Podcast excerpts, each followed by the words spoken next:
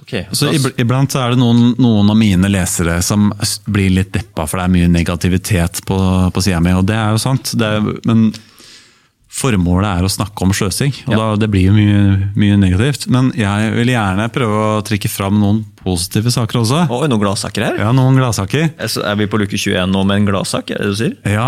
Ah, ja. Eh, og det er en liten shout-out til Norad-sjef Bård Vegard Solhjell, som var tidlig han var, Hva var han, da? Nestleder i SV? Ja. Jeg ga han DJ-kurs i NRK en gang. Oi, ja.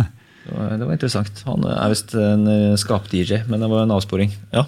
Nei, men eh, jeg, jeg, Han har jo en viktig rolle i norsk bistandspolitikk nå, men jeg føler han er et litt sånn friskt pust. pust. Og jeg har snakka med noen om ja, hvordan klarer du å drive bistand uten å skape liksom, kjipe insentiver til folk. For det er veldig synd hvis vi gir milliarder til andre land, mens de da, eliten og de smarteste i de landene da får veldig sterkt insentiv til å bruke sin tankekraft for å tyne penger ut av systemet. Men én måte å komme rundt, rundt det her på, er jo bare gi folk penger i lomma. Og han, eh, han eh, presidenten i India har innført sånn system der, i stedet for å gi folk penger via sånn prosjekter og mellommenn. Penger rett inn på konto.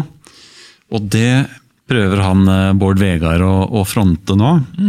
La oss si du finner en mekanisme hvor du har lyst til å hjelpe folk i Tanzania, i stedet for å sende noen sosionomer som skal snakke om et eller annet likestilling og bla, bla, bla.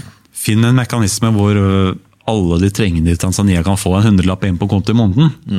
Det, det trenger ikke å være dy noe dyrere enn det man gjør nå, og det, det når ut til folk. Og så gir jo det litt tillit til mottakerne. Altså, folk vet jo kanskje best sjøl hva de trenger. Det er ikke noe hvis du er sulten, så setter du kanskje ikke pris på eh, et foredrag om, om, om et eller annet kvinnekamp eller transseksuelles rettigheter. Så har du, ikke- har du ikke ris.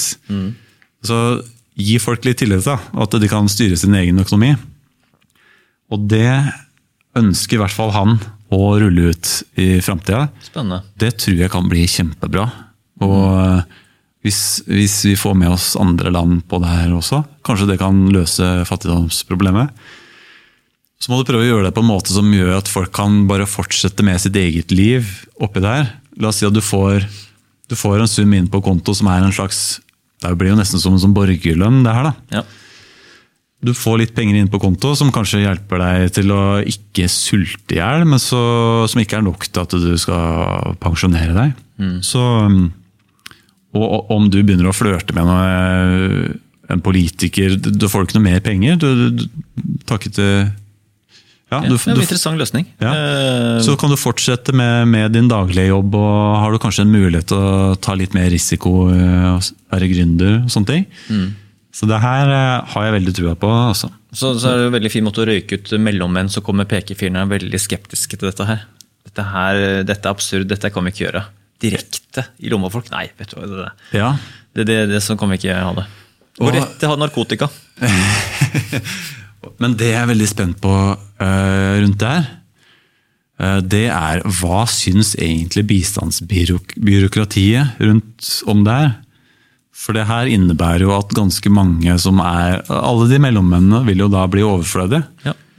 Hva, hva syns alle de der lokale ansatte som har mulighet til å reise verden rundt og, og, og, og snakke om Norges, Norges hjertesaker? Ja. Hva syns de om det? her? Jeg ser for meg litt sånn liten konspirasjonsteori her nå, om at de kommer til å motarbeide det her ganske, ganske kraftig, for at de, de føler det som en trussel. Så det blir jo noe å følge med på. Det er ganske kjedelig å være bistandsarbeider også, så må du reise rundt til masse kjipe, fattige land og snakke med vanlige folk hvordan, og for å evaluere om dette funker. Så Du må liksom ut på bygda og snakke liksom med en gjeng der som liksom har fått 100 kroner inn på konto, istedenfor å bo på sånn deilige resorts og diskutere på en måte liksom store makroløsninger. Så må du ut i felten og snakke med folk. Det er- kommer til å bli et helvete. Folk kommer til å Mm. trekke seg fra de stillingene med en gang. Det er helt supert. Vi finner jo stort sett ganske flotte hoteller i, i hvert fall hovedsteden i alle land i Afrika og i Kambodsja, Vietnam. Så ja. stort sett så tror jeg de har et veldig komfortabelt liv. altså. Jo, jo, men hvis de må ut på bygdene der ute og for å evaluere hvordan det her funker med hvis de som faktisk mottar pengene, så blir det kanskje ikke så mye tid til resorten. da. Ja, det har det vel lokal, sende noen lokale Ja, de, kan, de, de kan delegere det videre, selvfølgelig. Ja. Ja, ja. Det, det er kanskje en vinn-vinn-løsning for alle her. Nei, men i hvert fall En mulig, mulig gladsak. Bra initiativ fra Yes. han Solhjell. Yes.